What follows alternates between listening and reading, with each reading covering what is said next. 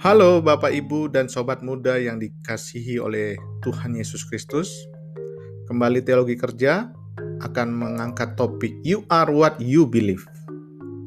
Setelah setahun lebih menjauh dari cara kita bersosialisasi sebelum pandemi terjadi, kita mungkin menyadari bahwa kita lebih introvert daripada yang kita pikirkan sebelumnya, atau kita lebih suka menghabiskan waktu bersama keluarga, melakukan hobi, atau melakukan pekerjaan yang mendalam daripada berpartisipasi dalam komitmen sosial yang berhubungan dengan pekerjaan.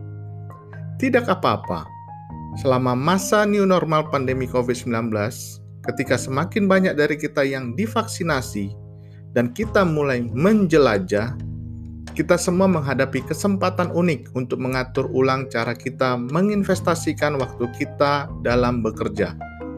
Kita semua pasti akan mendapatkan lebih banyak undangan dan permintaan acara webinar untuk mengisi waktu kita. Kita semua menghadapi kesempatan unik untuk mengatur ulang cara kita menginvestasikan waktu kita. Dalam kehidupan kita yang sangat terhubung, jika kita tidak mengosongkan ruang untuk hal-hal yang paling penting, aspirasi kita akan berada di belakang kotak masuk kita. Jadi, daripada dengan enggan setuju untuk bertemu seseorang atau menunda rencana sosial tanpa henti yang kurang kita sukai, ketahuilah bahwa ada alternatif lain. Ini semua tentang memikirkan nilai-nilai yang ingin kita bawa ke kehidupan pekerjaan kita. Kita pasti pernah mendengar kalimat ini.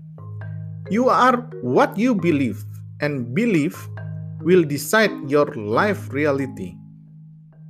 Hal yang paling menarik bagi Tuhan Yesus adalah pertobatan dan iman. Roma 10 ayat 17 berkata, Iman tumbuh dari perbuatan dan pendengaran oleh firman Kristus.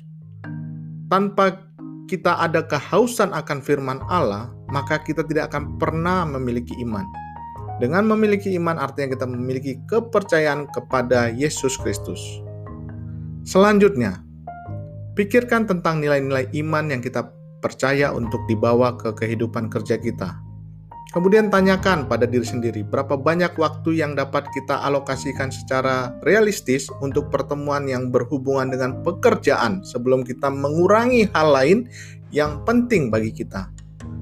Jangan hanya mempertimbangkan waktu yang terlibat, pikirkan juga jenis sosialisasi yang terasa paling berarti dan produktif bagi kita. Misalnya, kita dapat merenungkan fakta bahwa kita paling ingin membantu orang-orang yang kehilangan pekerjaan atau mendukung mereka yang kurang memiliki akses ke bimbingan, coaching, mentoring, konseling. Kita mungkin menyadari bahwa mencurahkan lebih dari satu malam dalam seminggu untuk makan malam kerja membuat kita tidak dapat menghabiskan waktu bersama orang yang dicintai atau pada proyek yang penuh gairah, dan semangat.